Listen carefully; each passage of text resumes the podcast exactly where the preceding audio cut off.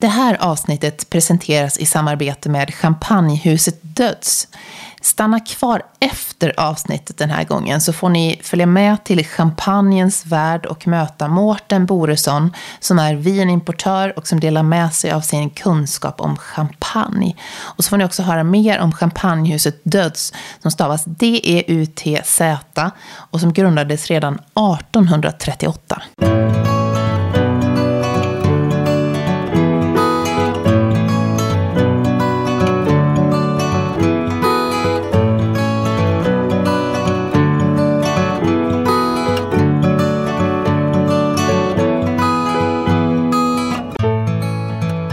Han är uppvuxen på franska rivieran med den kände krögaren och entreprenören Tore Wretman som pappa. Men han valde en helt annan bana via Handelshögskolan i Stockholm, pilotutbildning i USA för att så småningom landa i Frankrike igen. Idag driver han en av de mest kända mäklarbyråerna på franska rivieran tillsammans med sin bror. Men han är också honorär konsul i Nice.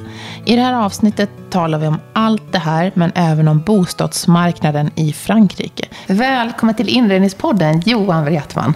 Tack så mycket Johanna. Jag är väldigt glad att få vara med på den här podden. Ja, det ska bli väldigt kul. Jag sitter här med dig på ert kontor på Wretman Estates och blickar ut över, mitt i Cannes är vi. Vi är mitt i Cannes.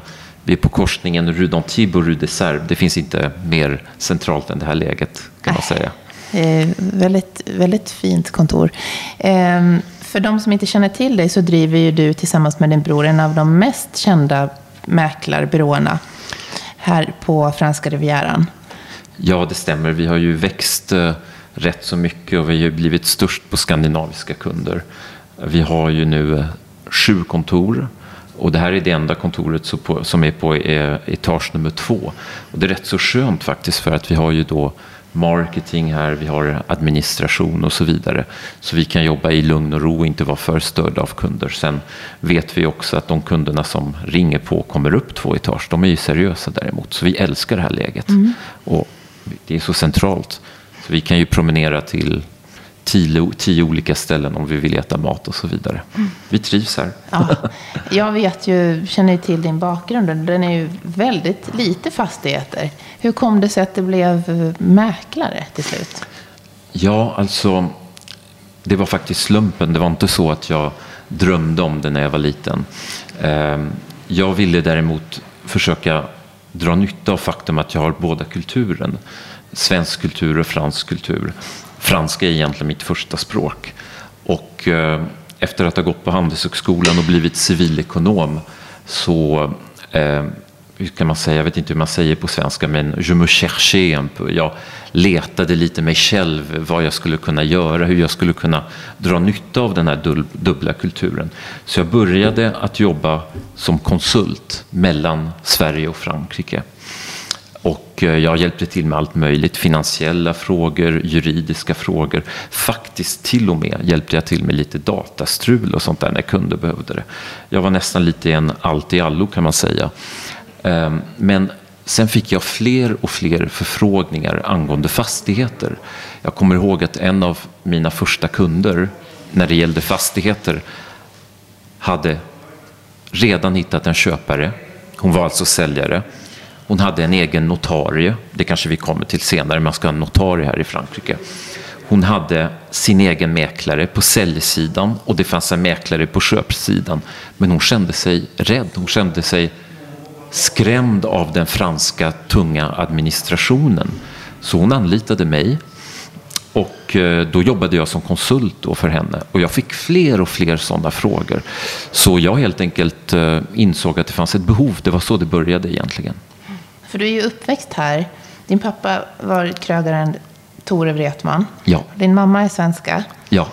Eh, så att du har ju bott här. Och ändå så flytt, så började du sen eh, plugga på Handels på svenska då? Ja, det stämmer. Eh, det är tack vare det som jag har eh, förfinat mitt svenska språk. För jag, jag, jag, pratade väldigt slarvigt när jag var liten. Mina föräldrar tyckte att det var charmigt så att jag, ja, lärde mig aldrig den riktiga svenskan. Jag till exempel sa alltid första tvådje eller jag ska gå till Amerika istället för att flyga. Jag kommer ihåg, alltså, för jag översatte direkt från franska. På franska säger man Je vais aller aux États-Unis.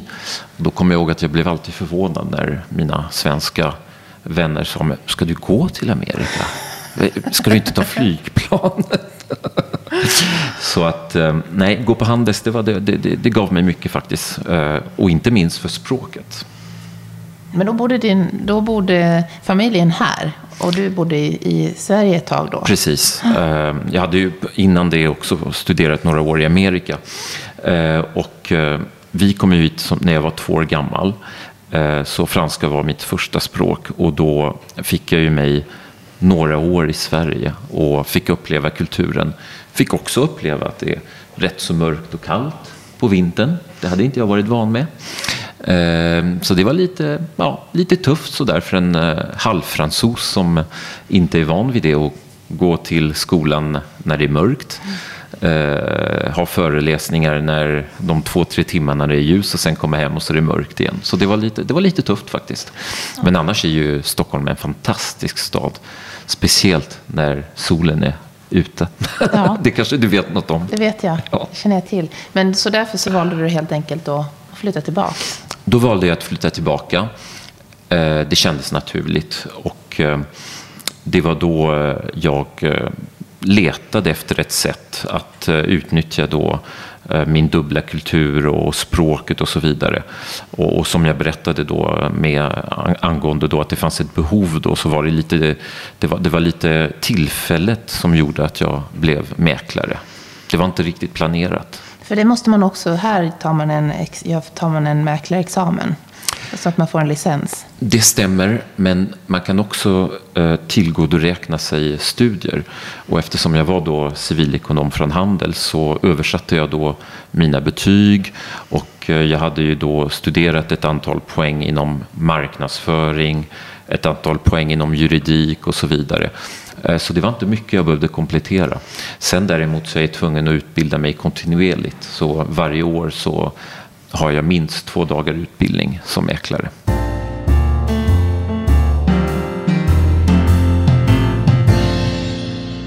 Vi måste ju prata lite om hur det skiljer sig att köpa eh, en fastighet eller en, en lägenhet. Äganderätt blir det ju här då.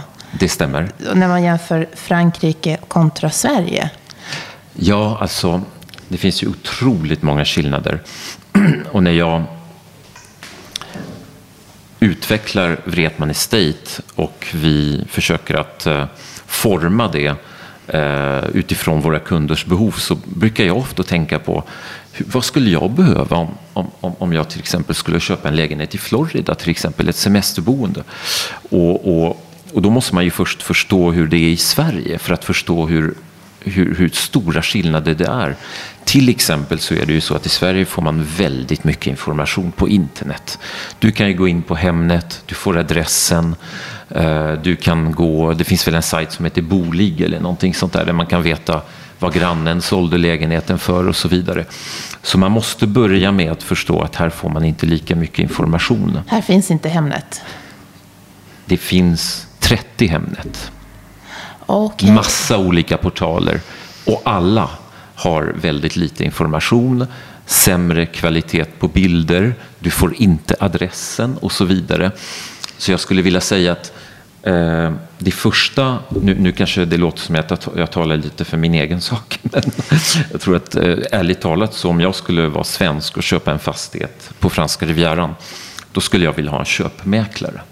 Då skulle jag vilja anlita någon som kan franska rivieran som vet vad som skiljer mellan de båda länderna så han kan berätta det till mig så att inte jag känner mig helt eh, lost.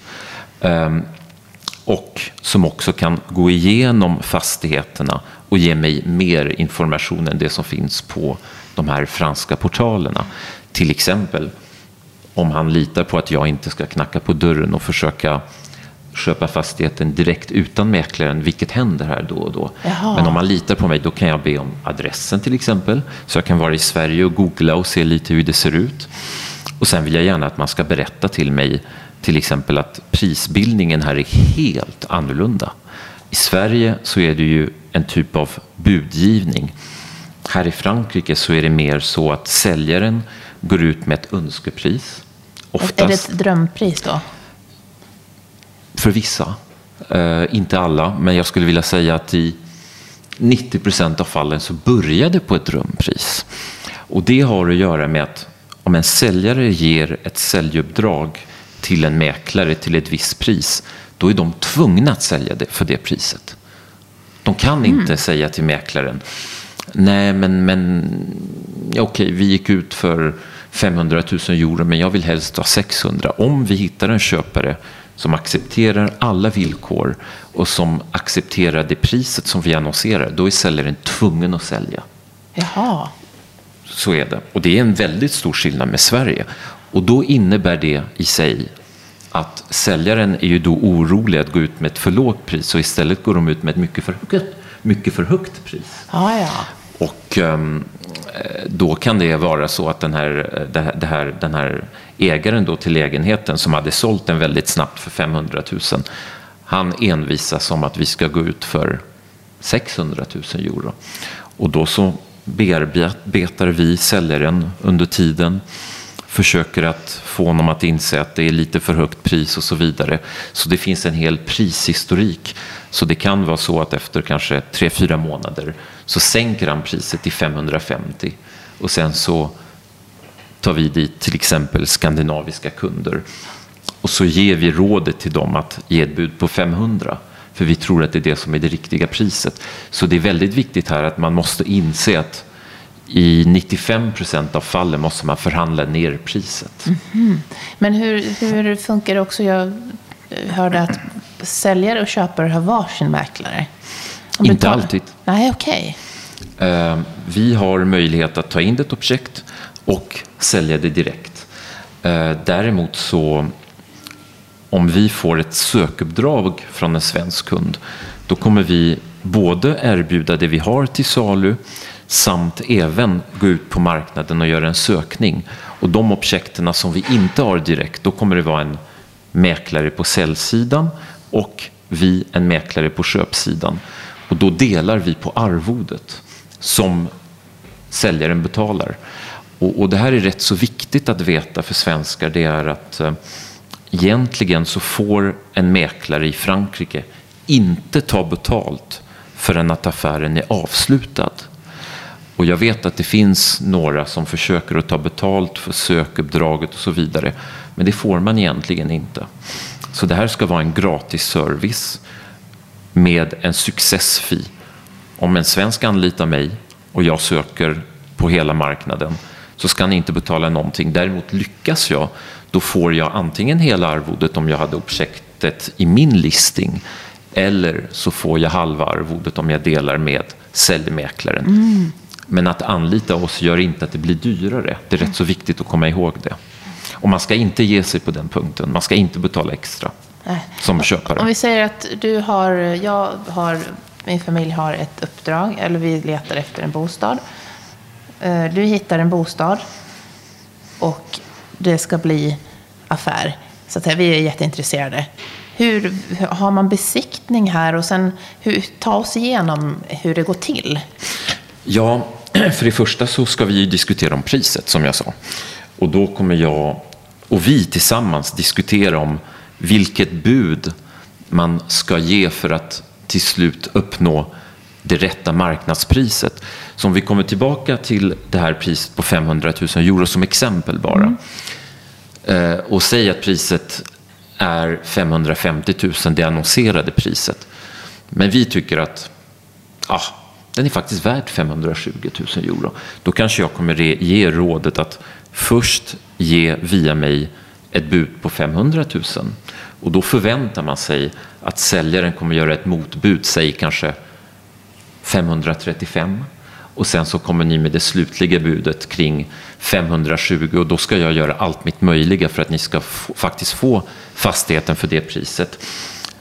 Om det går igenom, då är det väldigt viktigt att man gör budet skriftligt. Och att säljaren skriver under jag accepterar budet till det priset. För då är säljaren bunden. Då kan han, inte han använda då eh, det här budet för att försöka att få andra köpare att betala mer. Så det är en väldigt stor fördel för köparen som man ska faktiskt utnyttja. Det är ju så att man är inte bunden som köpare av budet. Men säljaren, om han har accepterat skriftligt, då är han bunden. Ah. Då kan man sen ja, slappna av, ta lite tid på sig några dagar för att göra eh, eh, förkontraktet och så vidare. Man kan till exempel anlita banker och så vidare. Man har några dagar på sig. Sen efter det så ska man skriva under förkontraktet. Och i förkontraktet skriver man ner alla olika villkor. Tillträdesdatum, man får besiktningsprotokollen.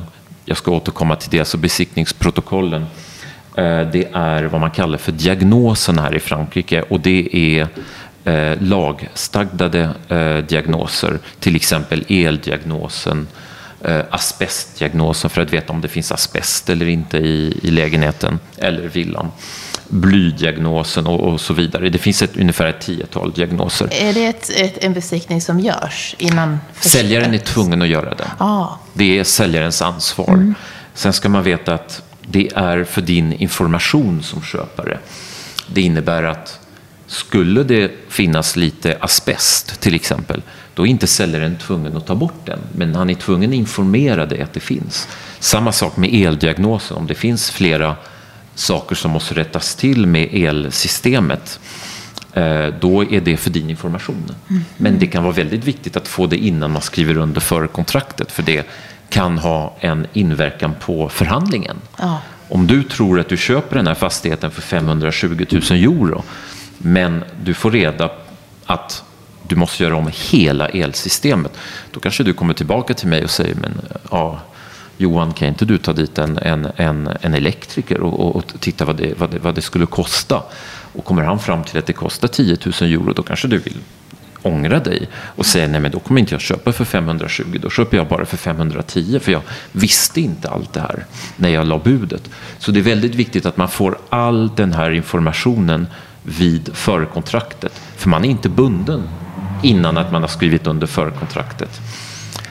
Sedan så har man rätt till 11 dagar ångerperiod. Så du kan åka tillbaka till Sverige i lugn och ro och så kan du nu, nu, nu, nu, menar jag inte att man ska dra sig ur, det är inte det jag tycker. Jag säger alltid till mina köpare, om ni gör ett bud, då, då, ska, då är det för att ni vill ha lägenheten.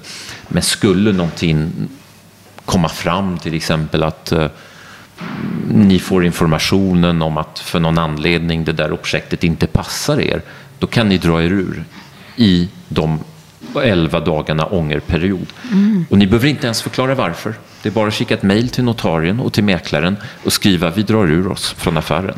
För här har man alltså en notarie nu som ja. kommer in när man lägger när man har... Just efter att man har lagt budet, då kommer notarien in i affären. Det är han som kommer att ansvara för lagfarten. Eh, han kommer att eh, be en jätte jättestor, hur säger man, han kommer efterfråga en bunta dokument från olika myndigheter, Le Centre des Hypothèques etc. Jag, jag, jag, tror mig veta att i Sverige så har man allt det där centraliserat, men så är det inte i Frankrike. Så när han har alla de där dokumenten, då kommer han kunna jobba vidare på, på, på, på förkontraktet och förbereda det slutliga kontraktet. Han kommer också skicka ett brev till, om du köper till exempel i Cannes, till Cannes kommun för att de har förköpsrätt. Och då har de två månader på sig att svara om de vill köpa fastigheten eller inte. Det har aldrig hänt mig att kommunen har utnyttjat förköpsrätten. Men det är ett formalia man måste gå igenom. Ah. Så notaren kommer att ta hand om all den här administrationen, vilken, vilken är rätt så tung.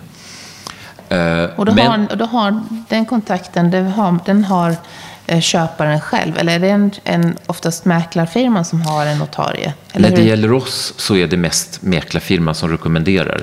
Fransmännen de har ofta familjenotarier som de har haft långa relationer med och så vidare.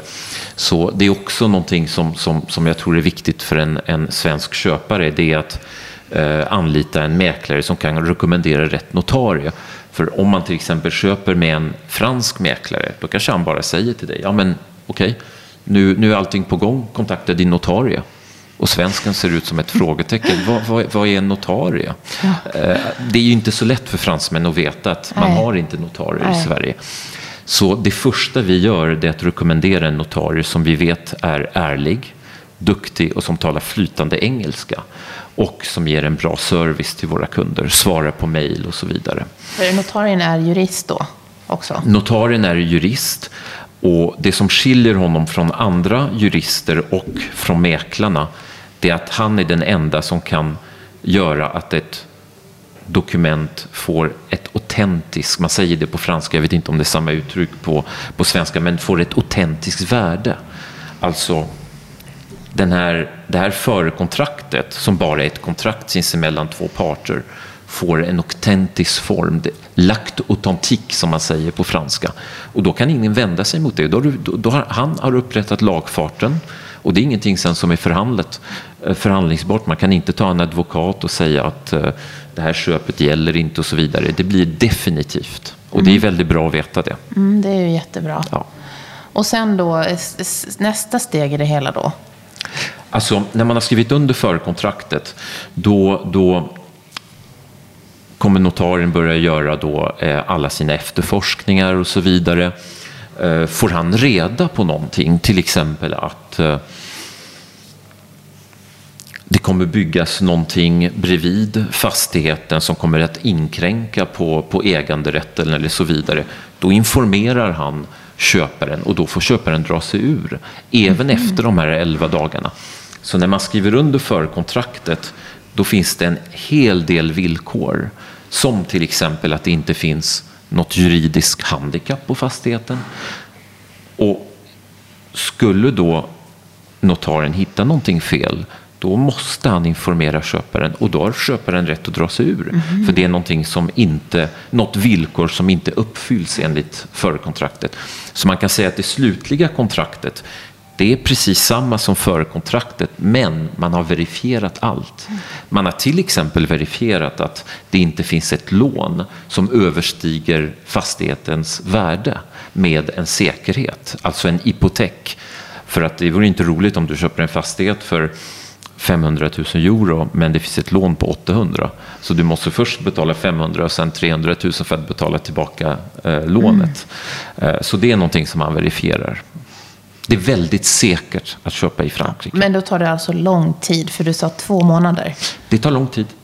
Det måste man veta. Och jag tycker om att förklara till mina kunder allt som den här notarien faktiskt gör.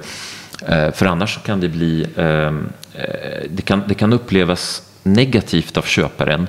För de ser bara framför sig jättemånga dokument att skriva under.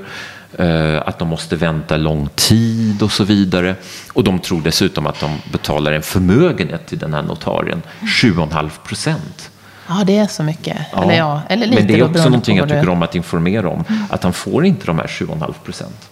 Han får ungefär 0,9 procent för sitt jobb. Resten är skatter och olika avgifter som stämpelavgifter, lagfartsavgifter och så vidare.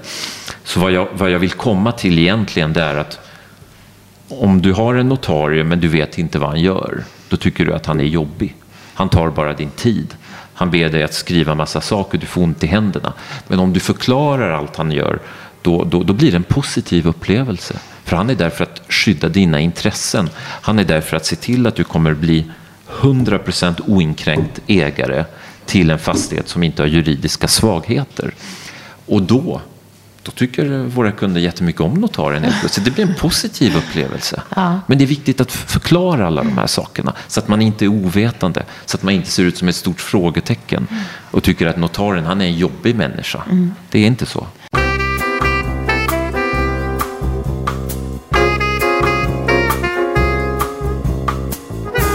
När man sen har tillträtt sin fastighet, jag har köpt mitt hus, eh, då kommer ju hela den här biten med skillnaderna i löpande kostnader för sin fastighet. För det skiljer sig också mot Sverige då.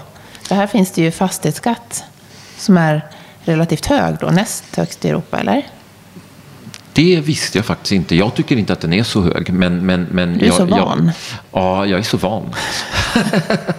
jag betalar den varje år. Och sen så har jag ju hört historier om vissa andra länder som Amerika som har en jätte jättehög fastighetsskatt.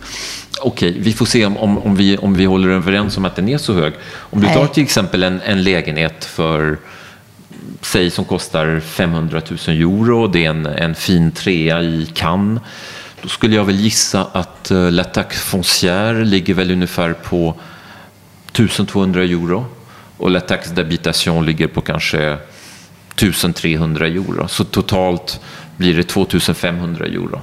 Per år? Per år. Mm. Jag tycker inte att det är högt, men det kanske det är. Ja, det, det, får vi lämna till lyssnarna ja, och avgöra då. det får de avgöra. Men sen, eh, vad är det mer för fasta kostnader som tillkommer? Som sen, du brukar märka att oj, det där hade inte vi tänkt på. Uh, förutom då fastighetsskatten så tror jag inte att det finns några, några, några, några eh, överraskande kostnader. Uh, här i Frankrike så har vi samägandeföreningar för objekt som är i en, i, en, i en förening. Alltså till exempel lägenheter, för man delar samma hus. Och eh, då är det en riktig äganderätt. Så det enda som du måste betala det är de löpande kostnaderna. Det är till exempel el för hissen, om det finns en fastighetsskötare som ska ha en lön, om det finns en pool som måste tvättas och så vidare. Men du har inte eh, några lånekostnader, alltså du har inga räntor och sånt som du har i Sverige. Så jag skulle vilja säga att det är mycket enklare utifrån den synpunkten. För det första, jag, jag, jag, det första jag hör att alla tittar på i Sverige är hur är föreningens ekonomi? Och det är en jättestor punkt. Här är det ju inte det. Här finns det inga lån. Eh, alla, alla stora jobb som görs med fastigheten, det betalar köparna kontant. Så att det enda du måste titta på det är de löpande kostnaderna och sen också titta då såklart i protokollen om det är så att någonting röstas.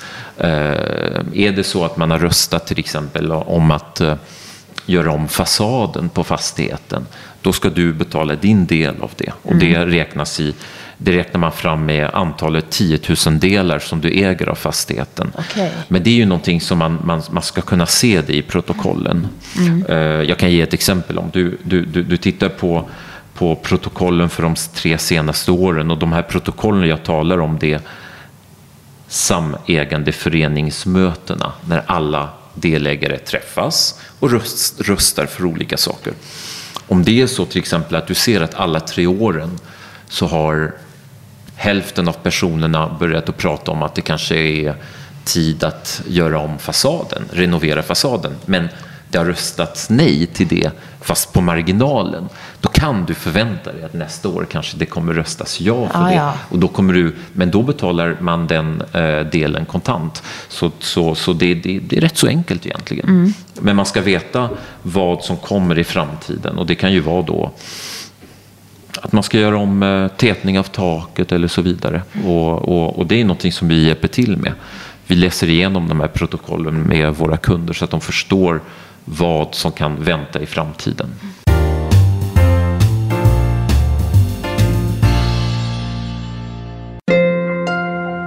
Om du inte redan gör det så gå gärna in och prenumerera på Inredningspodden med mig Johanna Hulander. Då får du en notis när nästa avsnitt släpps. Gå också gärna in och skriv en recension på iTunes eller Podcaster så att ännu fler hittar just till den här podden. Du vet väl att det finns ett 40-tal avsnitt ute nu med olika typer av gäster som alla handlar om inredning, design eller arkitektur. På inredningspodden.com hittar du dem på ett enkelt sätt och du kan välja att lyssna via Acast, iTunes eller Spotify. Du vet väl att du också kan följa Inredningspodden på Instagram. Där finns vi under ett inrednings underscore, alltså understreck podden. Eller på Facebook, ett inredningspodd. Och ta chansen att se filmer från varje avsnitt. Eller skicka meddelanden, tipsa om gäster. Eller om du vill höra av dig om någonting annat. För sponsring och samarbeten kontakta oss på info inredningspodden.com. Hur ser den franska bostadsmarknaden ut just nu? Det har ju, jämfört med Sverige har det ju gått väldigt Eh, uppåt under lång tid. Och det har ju varit en av de bästa investeringarna man har gjort, oftast när man har investerat under de senaste 15 åren. Hur ser det ut här? Ja, så här hade vi en stabil och stark prisuppgång tills år 2007. Sen så kom ju då bankpaniken. Eh, och, och, det blev inga extrema svängningar. Det har ju då gått ner i, i 2008, det har gått ner 2009, sen har det gått upp i två, tre år tills 2012. Sen har det gått ner igen två år tills 2015 och nu håller det på att gå uppåt lite sakta. Eh, så jag skulle vilja säga att idag är det ungefär samma priser som 2007. Mm. Så det har varit en, en, en relativt stabil marknad och de här svängningarna som jag pratar om, de, de, är inte så starka. Det är ju ett par procent ner per år, sen ett par procent upp per år. Men summan av alla dessa upp och nedgångar är ju då, är ju då nära noll. Så det är ungefär samma priser som 2007. Så det är klart att när vi, när vi hjälper en säljare och hans fastighet i Sverige har gått upp sedan 2007, med, alltså i Stockholm i alla fall, med mer än 100 procent. Och här är vi tvungna att säga att den inte gått upp med en enda procent. Då blir de lite besvikna. Men däremot är det väldigt bra läge för köparna. Ehm, jag, jag, skulle, skulle jag själv eh, säga att jag skulle vinna på Lotto till exempel. Jag skulle vilja satsa pengar på en fastighet för att få avkastning, inte någonstans att bo. Och jag ska välja mellan antingen att köpa en lägenhet i Sverige, i Stockholm, eller en lägenhet här. Då föredrar jag att köpa en lägenhet här. För att jag menar i Sverige, där är ju priserna har, har stigit så mycket att jag kan gissa att fallhöjden, skulle det gå dåligt, är lite större i Sverige än här. Här har man inte så mycket att tappa eftersom inte priserna har ökat. Och nu så äntligen börjar vi se ljus i tunneln på så sätt att volymerna är uppe igen. Efter 2007, eh, förlåt, efter 2008 då, efter bankkrisen, eh, då, då, då gick volymerna ner rätt så kraftigt. Eh, vi gick ner från topp som var nära 800 000 försäljningar per år i Frankrike ner till 550 000. Mm -hmm. Och i många år har volymerna varit rätt så låga. Idag är vi uppe i en takt på en miljon försäljningar per år. Mm. Alltså det säljs mera objekt idag än vad det gjorde, gjordes före bankkrisen. Och med tanke på att priserna är, är, inte har ökat sedan 2007 så vågar jag nog säga att, att vi kommer se en liten prisökning de kommande åren. Det här är ju en podd om design, arkitektur och inredning. Eh, och en del av de som lyssnar kanske tänker, men här pratar vi om, om eh, köp och sälj av fastigheter. Jag tycker att det känns ändå som en del av, eh, en del av de, det ingår i de här områdena. Och jag tänkte vi skulle prata lite om det, inredningsbiten. Hur, hur intresserade är fransmän och fransyskor av inredning? Ja, vad bra att du tar upp det där. Så att inte jag bara håller på och tjatar om juridiska saker. Jag tror att det är bra att prata lite om inredning i alla fall. Ja, det ser ju lite annorlunda ut så här har jag sett. Väldigt annorlunda. Mm. För det första så tror jag nog att svenskarna är extremt intresserade i inredning. Så man kan inte förvänta sig att alla i hela världen kommer vara lika intresserade i inredning. Ehm, sen så tror jag personligen, jag har en teori, det är att fransmännen är inte lika inredningsintresserade. Och det har att göra med vädret. De är ofta ute och äter. De, de, de har ofta stora trädgårdar, terrasser och så vidare. Det är inte lika viktigt hur det ser ut inne hemma som det gör i Sverige. När det är mörkt på vintern och man ska ha det mysigt och så vidare. Så kommer man hit och eh, tittar på, på villor eller lägenheter så eh, ja, man, man, jag tror att många svenskar blir lite förvånade över, över, över graden på inredningskvaliteten om man säger så. Eh, och det gör ju då att många utav våra kunder eh, tänker sig ja, jag är ju tvungen att fräscha upp det här projektet och då eh, då, då, då, då har ju vi faktiskt rekommendationer att ge vilka arkitekter de kan vända sig eller vilka firmor och så vidare. Men, eh, men det är lite tufft. Det är tufft att göra det i ett land där man inte känner till eh, man har inga rekommendationer, man, man har inte jobbat med, med andra, med olika hantverkare och så vidare. Men, men där, där har vi möjlighet att hålla dem i handen och hjälpa dem. Så vi har faktiskt en hel del kunder som får välja antingen mellan att ta ett objekt med en inredning som de absolut inte hade valt själva. Eller kanske satsa på någonting att renovera och då hjälper vi dem med det. Mm. Och det är väldigt roligt faktiskt, det är kreativt. Vi har eh, flera eh, kunder just nu som håller på att renovera. Vi har ju, eh, många av, av er som lyssnar har säkert läst boken Ett år i Provence och de här skräckupplevelserna med franska hantverkare. Stämmer det att det är en stor kontrast när man anlitar franska hantverkare när man ska renovera? Ja, det stämmer. Eh, för det första så, så eh, tror jag att det är intressant att berätta om att, alltså, som ni redan vet, att Rivieran är ju ett eftertraktat område. Det finns väldigt många rika människor som kommer hit. Det finns väldigt många eh, rika skandinaver som köper fastigheter som är lite ovetande. Så det drar åt sig oseriösa hantverkare, tyvärr. Eh, så att skulle man då bara ta telefonboken och bara sätta ner fingret på den bästa rörmokaren, den första rörmokaren som kommer, och den, då, då, är det katastrof som väntar. Man måste verkligen få rekommendationer, eh, helst från mäklaren eller vänner eller sin, sin eh, kundkrets, eller sin vänkrets, förlåt. Eh, vi har ju hört om, om, om katastrofhistorier, så det, det, det, det finns väldigt många hantverkare här på Riviera som de bara vaknar imorgon och anser, ja men eh, mm, ja, jag är renoverare nu. Så här. Och de har ingen erfarenhet, men de tror att det är lätta pengar och så vidare. okay. Får du fall där folk ringer och gråter ungefär? Ja, jag har sådana fall just nu. Där det har blivit katastrof? Det, det, det, det har blivit katastrof. Sådana som inte har köpt genom oss. Uh, nu låter det såklart som att jag talar för min sak, men, men de som har köpt genom oss och som har fått rekommendationer på vilka hantverkare de skulle anlita. Det är klart, allting går inte rätt till. De kan inte bli 100% nöjda. Men vi ser till att de blir 95% nöjda. Och, och, och, och, jämfört med de som är 100% missnöjda, vilket vi har några fall nu, så, så, som ringer och som frågar hur vi kan hjälpa. Det är väldigt svårt att hjälpa i efterhand. Eh, du vet, ska man riva, riva, riva loss allting som finns i, i, i, i objektet och göra om på nytt, det är, inte, det är väldigt svårt psykologiskt att acceptera det för, för den som äger fastigheten. Mm.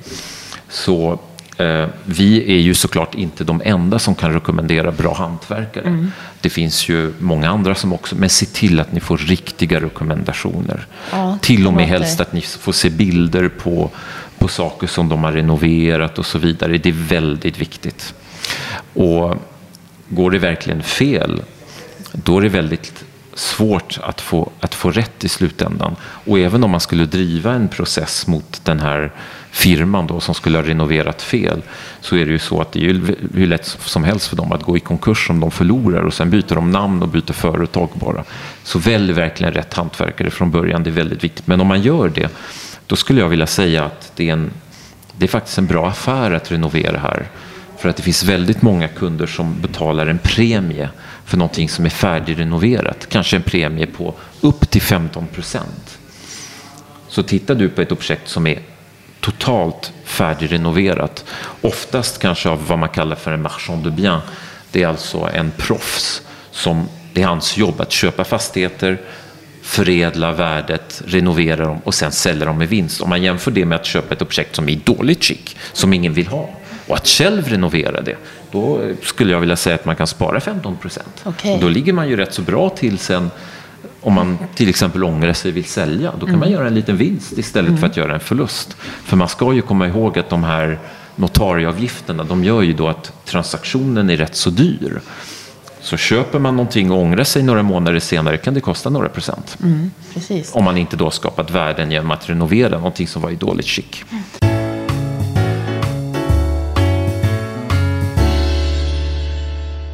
Vi måste prata styling. För här stylar man ju inte alls. Alltså här stylar man, stylar man vanligtvis inte. Eh, och jag tror att det har att göra bland annat med prisbildningen. Eftersom man börjar på ett högt pris och sen så får mäklaren bearbeta ner priset med tiden som går, med feedback från olika kunder som säger att det är för dyrt och så vidare.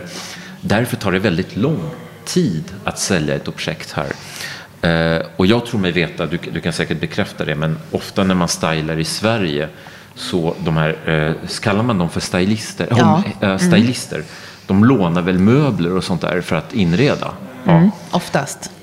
Och, och det funkar ju då om det tar några veckor att sälja fastigheten. Men, men tänk dig om det tar ett och ett halvt år. Då, då, det blir rätt så svårt att låna Det ut möblerna. Så, att, så att där har man, ha- har man faktiskt ett, ett litet problem.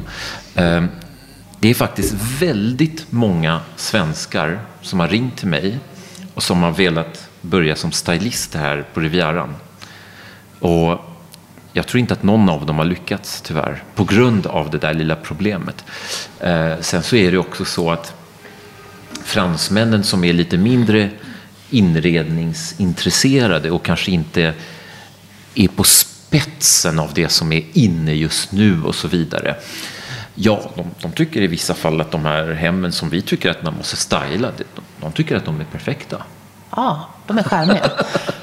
De tycker, de tycker inte att man behöver göra någonting. Och det, det är rätt så svårt som, som mäklare att- komma, in till någon, komma hem till någon och säga att man måste uh, styla om det och ändra allting när de är väldigt stolta över hur det ser ut. Så då får man vara försiktig med det man säger. Och så får man helt enkelt eh, prata med kunderna lite diskret och säga att det finns potential istället. Ja, så när man vet att du säger att det finns potential, då är det varning. Då är det illa. Då är det dags. Ja, alltså jag, när jag använder ordet potential då, då, då betyder det att det måste fräschas upp. Ja. Och, och, och inredningen måste, måste bytas, så är det faktiskt. Men vad har varit din... eh, Vad, vad, kan du inte avslöja? Hur kan det se ut i värsta fall? Är det någon gång du har blivit riktigt chockad att oj, oj, det här. Ja, jag skulle vilja säga att eh, jag har varit några gånger i... Jag, kan- jag, kan, jag kan svara på det där svaret på ett annat sätt. Det är att när jag har varit med kunder så har jag märkt att smaken och nivån på, på vad man anser är, är en bra inredning skiljer extremt mycket även hos köpare. Så det har hänt någon gång att jag har kommit in i ett projekt som är helt omöjligt. Och, jag tänker mig, och just när jag ska säga då till kunderna, det här, som, ni förstår, som ni förstår måste man ju totalrenovera där. Och just då säger de, ah, men det här är ju perfekt. Vi kan ju sätta våra resväskor ner och flytta in med detsamma. Så även bland köpare så skiljer det väldigt mycket faktiskt. Eh, det, det har att göra med ålder till exempel. Eh, det har att göra med nationalitet. Jag kan säga att en fastighet som är totalrenoverad av en italienare kanske inte alltid passar en svensk. Eh, jag tog in en, en lägenhet till salu i eh, Montboron i Nice. Det är en del av Nice där man har väldigt fina utsikter. Och eh, det var en italiensk säljare. Han var väldigt, väldigt stolt över sin inredning. Och han tyckte då att han skulle få ett väldigt högt pris. Han skulle få ett eh, pris som är ovanligt högt för att inredningen var så fin. Men det funkade inte med våra kunder. Det var fullt med pelare överallt. Eh, Det var marmor utav, tror jag, 18 olika färger och så vidare. 18? Så, ja, ungefär. Jag räknade faktiskt Nej, men inte. Men, men jag, jag tänkte mig, hur, hur, hur kommer det här gå? Han, han, han, han är stolt över sin inredning så han tycker att det, det betingar ett mervärde. Så han tycker att han ska sälja det till 15 procent överpris. Och jag tycker att det ska säljas till 30 procent underpris eftersom det måste totalrenoveras. Så, så sånt där händer. Det är bara. Och, och jag sålde inte det projektet. Det var nog någon annan som sålde det till någon annan. Det var för Jag lyckades liksom. aldrig. Eh, Men jag tänker på... Du har- jobbar ju med sån bredd. När man tittar på listing på era listor så kan det ju vara 100, det kan ju liksom vara eh, 10 miljoner euro. Ja, Den kundgruppen, då är vi ju på riktigt sådana här filmstjärneobjekt. Hur är det att jobba med sådana? Ja, alltså sådana kunder vanligtvis har extremt höga krav. Eh, De är väldigt, väldigt bestämda på vad de tycker om och vad de ska ha. Och då kan det ju vara så att, att en fastighet som jag kanske tycker är redan fantastiskt tycker om att de måste göra om i alla fall. Eh, så de här, de här väldigt eh, eh, kräsna kunderna, de brukar nästan alltid göra om fastigheten, åtminstone vissa delar. Jag har ju sålt villor i Cap d'Antibes som har varit totalrenoverade, väldigt bra renoverade tycker jag, men där kunderna i alla fall har ändrat en hel del. Så det, det, där, där skulle jag vilja säga att det, det är nästan regeln att, att köper man en, en semesterbostad eh, över 3 miljoner euro då har man väldigt specifika förväntningar och då, är, då, då, då, då, kommer någonting göras med fastigheten mm. varje gång nästan. När du jobbar med sådana här jätteexklusiva objekt, eh, träffar du då köparen eller har man ombud hela tiden då? Nej, vi brukar faktiskt träffa köparna direkt. Ehm, man skulle kunna tro att de kanske har en, en assistent eller någonting som, som, som tar hand om det här. Men jag tror att det är så pass eh, det är så pass personligt vad de, vad de vill ha och sen är det också så att, att många av dem tycker att också att det är en trivsam upplevelse att, att komma på franska rivieran. Så oftast kombinerar de det med, med, med nöje. Att de till exempel eh, hälsar på vänner, kanske bor hos vänner i Cap d'Antibes i, i en vecka och då kanske de bara går ut en eller två dagar och tittar på fastigheter. Så det gör vi absolut direkt varje gång mm. med dem. Inga mellanhänder. Nej. Jag blev, I somras så var vi och tittade på i Ferrat. Okej. Okay. Och då tänkte jag... Det låter dyrt. Ja, det var, alltså jag tittade ju inte på fastighet då. Jag, vi bara passerade. Ja. Och den här extrema lyxen som finns här nere är ju, det är ju enorma kontraster. Det är väldigt stora kontraster och, och, och här är det ju det är, mer, det är mer accepterat att man visar lyx här. Eh, jag vet, nu jag ska inte nämna någon, men jag vet ju att det finns, eh, och jag, jag respekterar det också, men det finns svenskar som kanske i Sverige inte vågar sticka ut så mycket med att de, de har en bra ekonomisk situation. Men, men, men här känner de att, att de får göra det. Om man till exempel tittar på bilarna, det finns, alltså om man ser en Ferrari, men jag tror att det ändras lite i Sverige också, men om man ser en Ferrari som, som, som, som, som åker förbi där på Stureplan kanske man vänder sig om eh, och, och, och blir lite, lite förvånad fortfarande. Här om man promenerar på La Croisette under sommaren så är det ju 15 Lamborghini som är raddade framför eh, lyxhotellen och det finns eh, väldigt mycket synlig eh, Bling bling. Bling bling, exakt. Det var det ordet jag letade efter. Men det, det är ju väl en, en, en, del av Europa som är en total kontrast med bergsbyarna här uppe. Det här extrema lyxen. Så det är ganska fascinerande att, att det måste ju för dig vara fascinerande att jobba med så varierande objekt hela tiden. Ja, det är det. Och det, det, det är det som gör jobbet roligt faktiskt. Att man, man får ju se eh, eh i vissa fall eh, extrema saker. Jag kommer aldrig att glömma den gången när jag visade villor kring eh, eh 15 miljoner euro i Saint-Tropez. Och då så skulle jag visa då till svenskar en, en villa som hade renoverats av ryssar. Och jag förstod sen i efterhand att de här ryssarna de ville satsa på, på eh, spekulation när det gäller fastigheter. Och då hade de eh, ändrat en hel del eh, i den här fastigheten. Och det var ju väldigt speciella saker som jag kanske inte hade trivts med, men det var väldigt roligt att få vara med på den här visningen. Till exempel så hade de en hiss som åkte ner från, från sovrummet ner till en klädkammare. Det var ju väldigt speciellt. Oj! Ja, eh, och det tyckte de, det var de väldigt stolta över. Jag tänker mig detsamma på det praktiska. Ska man ta en hiss varje gång man ska hämta sina kläder? Ja. Det, det, och, sen, och sen så satt vi på terrassen och då frågade de till oss. Ser ni havsutsikt? Nej, nej, det är ingen havsutsikt här. Och då tryckte de på en knapp och då började hela terrassen att, att, att, att höja sig. De hade någon, någon, något pneumatiskt system nej. under. Så vi gick upp tre fyra meter och då hade vi havsutsikt. ja, och jag, jag, jag, jag, jag var ju nästan lite rädd. Jag tänkte, men jag hoppas att det här systemet funkar så att vi, jag inte får en olycka med mina kunder. Men, men det är bara för att ja, säga att man ser i vissa fall lite extrema saker här.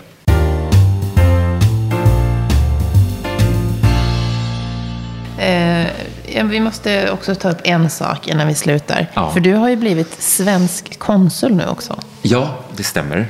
I Nice. Ja. ja. Vad, vad innebär det? Det är då eh, mest representation när det gäller min del. Eh, jag, eh, min uppgift är ju då att främja Sverige i Frankrike helt enkelt.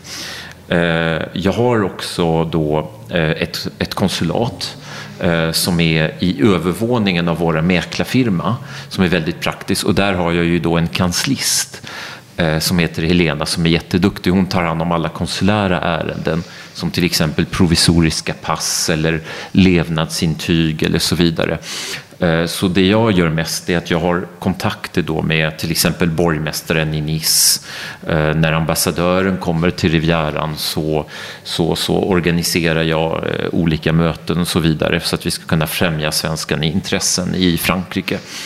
Sen en, en, en rolig grej också, det är ju så att vi har ju faktiskt vår kära kungafamilj som har en fastighet här på Rivieran. Så då får jag gå ta emot dem när de landar på flygplatsen, se till att allting funkar med, med vakter, CP-vakter och så vidare. Och att, att det blir så smidigt som möjligt helt enkelt. Får du lov att göra det varje gång de kommer?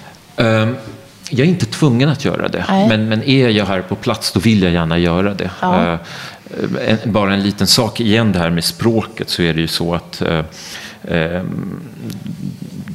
um, CP-vakterna till exempel som är väldigt duktiga och väldigt trevliga, de, de pratar inte däremot flytande franska. Så, så det kan ju hända eh, några kommunikationsproblem mellan till exempel dem och den franska polisen och så vidare. Så jag vill gärna vara där och försöka se till att det går smidigt. Sen är det ju så att eh, de är, de är våran, våran kungafamilj är ju så pass, eh, hur ska man säga, Eh, normala. De är, så att de flyger till och med reguljärt. Eh, och, och, och, då måste man ge sig till att de får lite extra service så att det blir så smidigt som möjligt. Mm. Eh, sen så är jag ofta bjuden på olika eh, evenemang här i Frankrike. Eh, till exempel så, så eh, celebrerar man ju ofta slutet av eh, andra världskriget och så vidare. Och då, då, då, då brukar jag eh, vara med på sådana saker för att visa att Sverige, eh, att Sverige finns här. Vi, ju, vi har ju ett väldigt, väldigt bra samarbete med Frankrike. Jag kan till exempel nämna att Svenska kyrkan och Rivieraklubben delar på en, en, en jättefin fastighet som heter Villa Ingeborg i Cagnes-sur-Mer där man kan, vi som svenskar, vi kan nyttja många olika saker och, och de har blivit väldigt nära då borgmästaren av Cagnes-sur-Mer mm -hmm. och det har jag med och vi försöker att eh, jobba på de här relationerna. Eh, ett annat litet exempel som, som, som, som, är, som, är, som är, tycker jag, rätt så viktigt i sammanhanget, det är ju då att som visar vilka, hur, hur nära vi egentligen är franska, fransmän. Eh, vi firade då 2018 eh, ehm, två, de, le, le bicentenaire, hur säger man det? Alltså att eh, Jean-Baptiste Bernadotte ja. hade blivit kung för 200 år sedan. Eh, och eh, Eh, det, det, var faktiskt en rätt så stor grej. Eh, kungafamiljen kom till Frankrike i på och eh, de kunde inviga då hans barndomshem som hade renoverats och så vidare. Och jag har faktiskt hållit flera föredrag om just Jean-Baptiste Bernadotte. Vad som hände, hur gör det sig att en av Napoleons marschal marskalker faktiskt blev kung i Sverige. Och, och, och, och vår nuvarande kung, hans majestät Carl Gustav då eh, är ju då härstammar från, från Jean-Baptiste Bernadotte. Eh, så det tycker jag är väldigt intressant.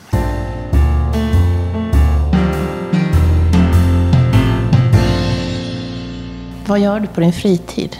Det vi inte har sagt är att du är faktiskt utbildad linjepilot också. Ja, jag, jag, jag har faktiskt gått en hel flygutbildning i Amerika. Eh, sen så, eh, då blev jag då både faktiskt eh, flyginstruktör och linjepilot. Sen så tog jag ett, ett sabbatsår från Handelshögskolan och konverterade licenserna på Bromma i Bromma flygskola till både svenska certifikat och europeiska certifikat. Men nu har jag full, för, för mycket. Jag har för fullt upp med mellan mäklarfirman, faktum att jag är konsul och min familj med mina två små barn. Eh, så jag hinner inte flyga. Men däremot så åkte jag för några år sedan till Kalmar där en av mina kompisar har en, har en egen liten flygskola. Så jag har fortfarande mina cert. Så någon dag i framtiden kommer jag ja, kan, flyga när det blir elflygplan, tänkte jag. Jag väntar ja. på det egentligen. Just det. Hur kommer man i kontakt med dig om man vill eh, träffa dig? Ja, alltså jag, jag, hoppas att det är lätt att komma i kontakt med mig eftersom som, som vi, vi, vi, ska försöka synas så mycket som möjligt. Jag tror nog att om man googlar på, på eh, eh Vretman ska jag komma upp faktiskt och då ska man hitta mina kontaktuppgifter. Vi jobbar väldigt mycket på eh, eh, sån här Google-referensering och, och jag tror mig veta att om man till exempel går på google.se och man googlar till exempel köpa hus på franska rivieran, då kommer vi högst upp. Ja, det har ni sett till. Ja, det har vi sett till. Vi jobbar väldigt mycket på det där. Så, så jag skulle vilja säga att det är lätt att hitta mig. Bra. Hoppas jag. Ja, det hoppas vi. är det någon sådär, nu vet jag att podd är inte stort i Frankrike, men är det någon som du skulle vilja lyssna på på svenska i den här podden? Ja, alltså jag kan inte komma på någon exakt person, men, men, men jag skulle gärna vilja lyssna på någon som har blivit arkitekt. Eh, skulle, skulle, jag, skulle jag få tillfälle att göra om mitt liv, eh, då, skulle jag nog, eh, då skulle jag nog studera till att bli arkitekt. Eh, jag tycker att det, det, det, det låter väldigt kreativt och, och, och, då kan man både vara entreprenör, vilket jag är, vilket jag älskar, och ha en väldigt stor kreativ sida. Så jag skulle vilja, vilja höra hur, hur, hur man blir arkitekt egentligen. Mm. Jag tror att det är för sent för min del. Det tycker, tror jag absolut inte. Men okej, okay, man kanske kan få något tips där. Ja. Så det, det skulle jag vilja lyssna på. Tusen tack Johan. Ja, tack så mycket för att du kom hit ända till Frankrike med, med tåg. Med tågen?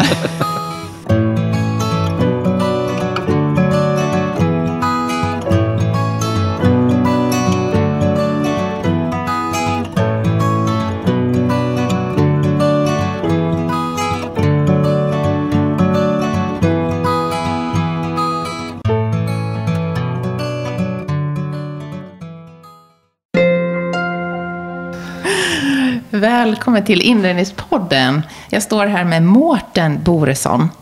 Tack Johanna. Idag blir det champagne. Det låter härligt. Ah, för du driver Swedish Brand som är det företag som importerar dödschampagne till Sverige. Det stämmer bra. Sedan 20 år tillbaka sedan. Ah. Vi började 1999. Och vi står omgivna av champagne champagneflaskor av olika storlekar. Jag tror aldrig jag sett en sån här stor champagneflaska. Men hur, hur började det här? Ja, det började egentligen lite annorlunda. Jag eh, eh, van, van, eh, var van på den tiden redan att gå mycket på restaurang och dricka och äta gott. Min pappa gillade att laga mat och gillade att ta oss på restaurang. Eh, men jag jobbade i en helt annan bransch. Jag jobbade i sportbranschen och jag jobbade med golf och tennis. Och eh, hade väl en, en, eh, en liten ådra mer för vin och dryck än vad jag hade för sportutövande egentligen. Aha. Men jag jobbade med varumärke och jag eh, sponsrade eh, rätt mycket, eller företaget sponsrade både tennisspelare och eh, andra aktörer inom de idrotterna.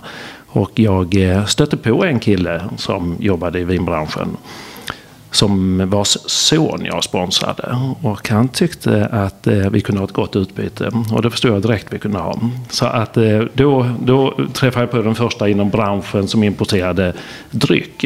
Och kort därefter så eh, tog jag över ett bolag som heter Swedish Brand. Som precis var i lindan till att starta igång en verksamhet med att lansera Champagne Döds på svenska marknaden.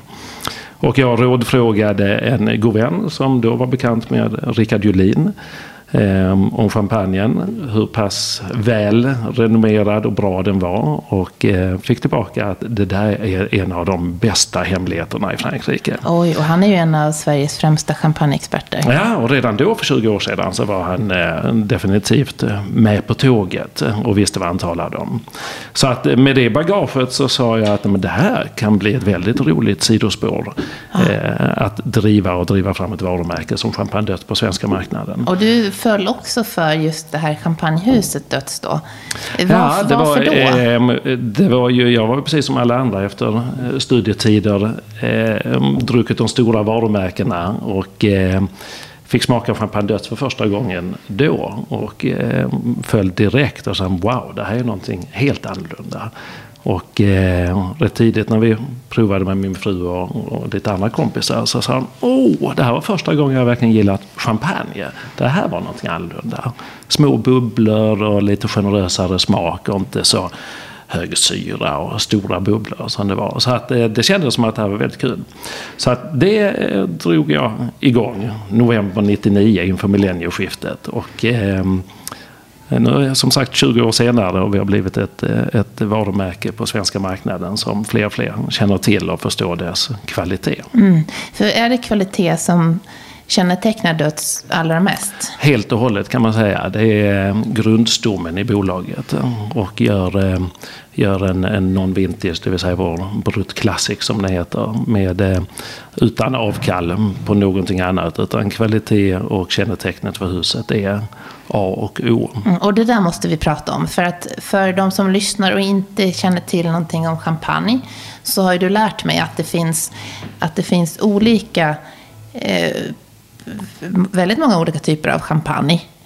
Och vi har ju de som står framför oss nu, Bru Classic, mm. som du berättade. Vad var det för speciellt med den? Ja, man kan väl kategorisera champagne i tre olika nivåer. Eh, där vi har Dödsbrut Classic som är utifrån standardchampagne som man kallar det, som de flesta hus har. Eh, kategorin därefter är vintage, då har man årgångsbetecknad champagne. Och därefter så har man prestige. Alla hus har ju inte alla tre varianterna såklart, eller nivåerna. Men, men eh, Döds är ett av de som har det. Så att vi har till, till åtta varianter minst. Men alla produceras inte varje år. Brut Classic görs varje år.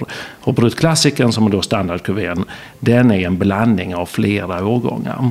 I champagne så är det lite annorlunda. Om du tänker på rött vin eller vanligt vin så gör man ett vin utifrån skörden det året.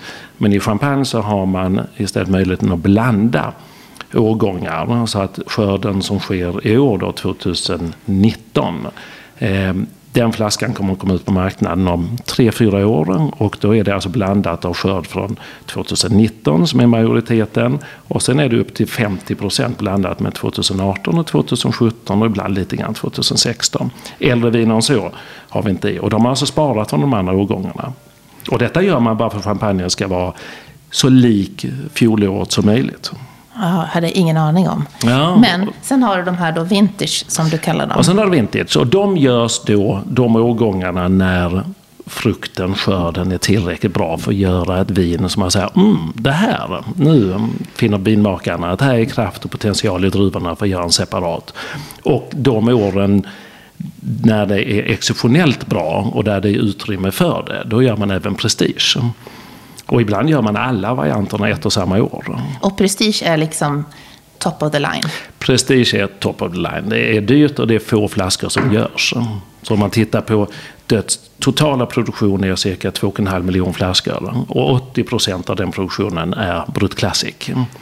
Och när man tittar på topprestigerna som Amour de Döds och Cuvée Döds så görs beroende på årgång och mängd eh, mellan 20 och 30 000 flaskor kanske. Mm. Ibland ännu färre än så. Men de går inte att lagra allihop berättar du heller också? Eh, alla champagner går att lagra. Brut Classicen som är den standardkuvén vi har. Den gör sig inte med någon fördel att lagra. Vissa tycker den blir enastående efter ytterligare två år. Men den har redan legat i tre till fyra år på gästfällningen.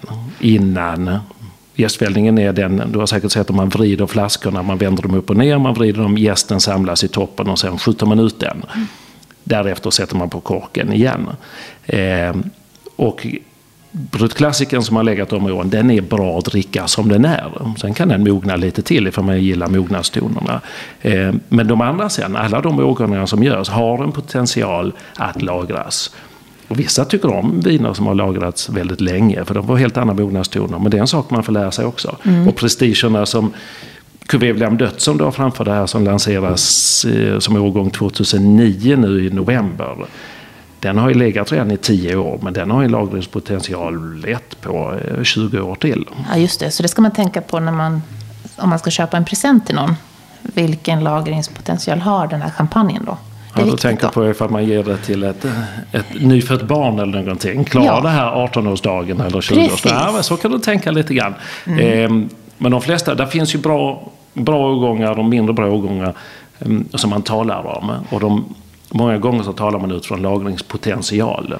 Så att ett vin som har lagringspotential på 10 år kanske är enastående att dricka efter redan 7-8 medan ett vin som har lagringspotential på 25 år är, pikar kanske efter 15-20.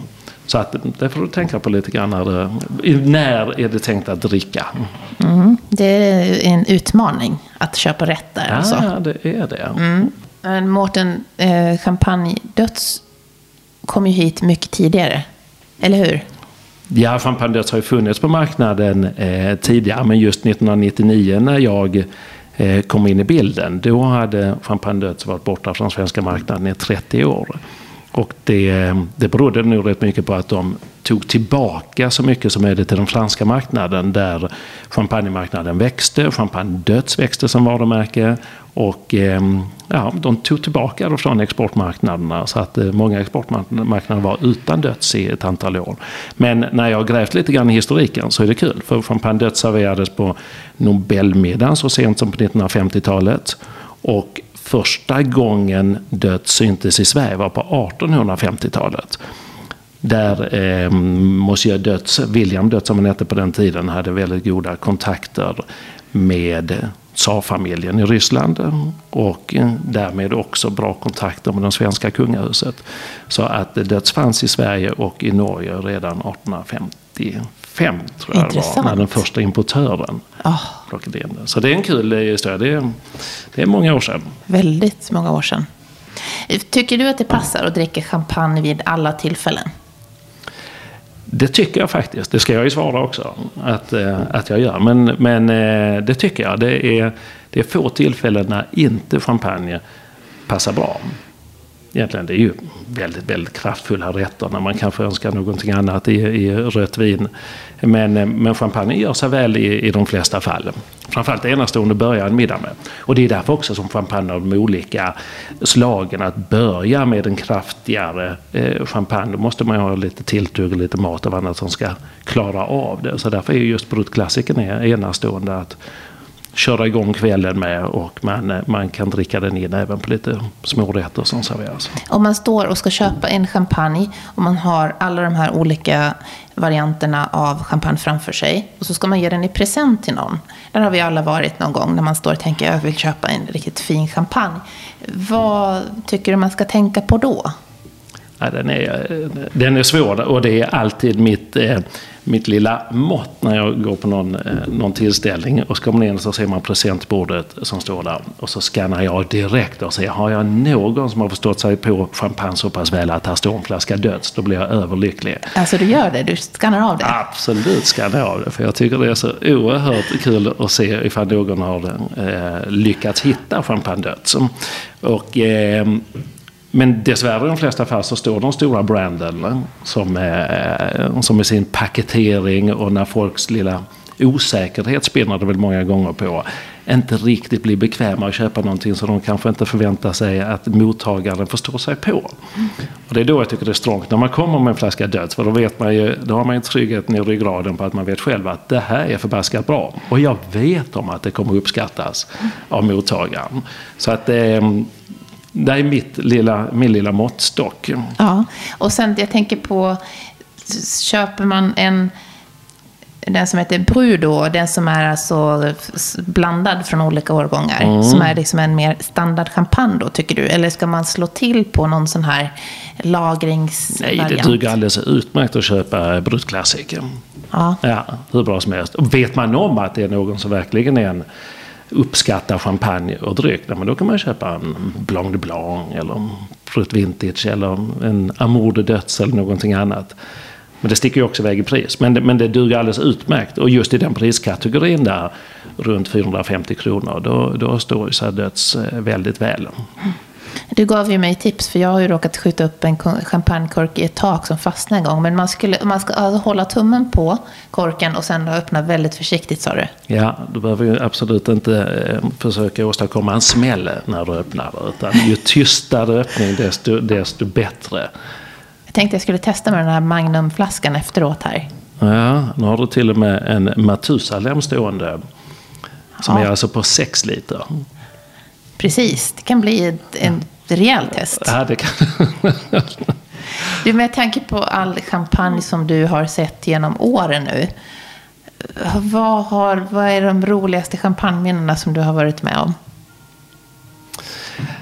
Ehm, jag får nog säga att de roligaste är nog när eh, när jag för 20 år sedan eh, introducerade eller relanserade döds på svenska marknaden. Då tycker jag det var väldigt roligt när man, när man hörde eh, bland vänner som sa ah, men vi får nu stötta Mårten, han håller visst på att importera någon champagne nu.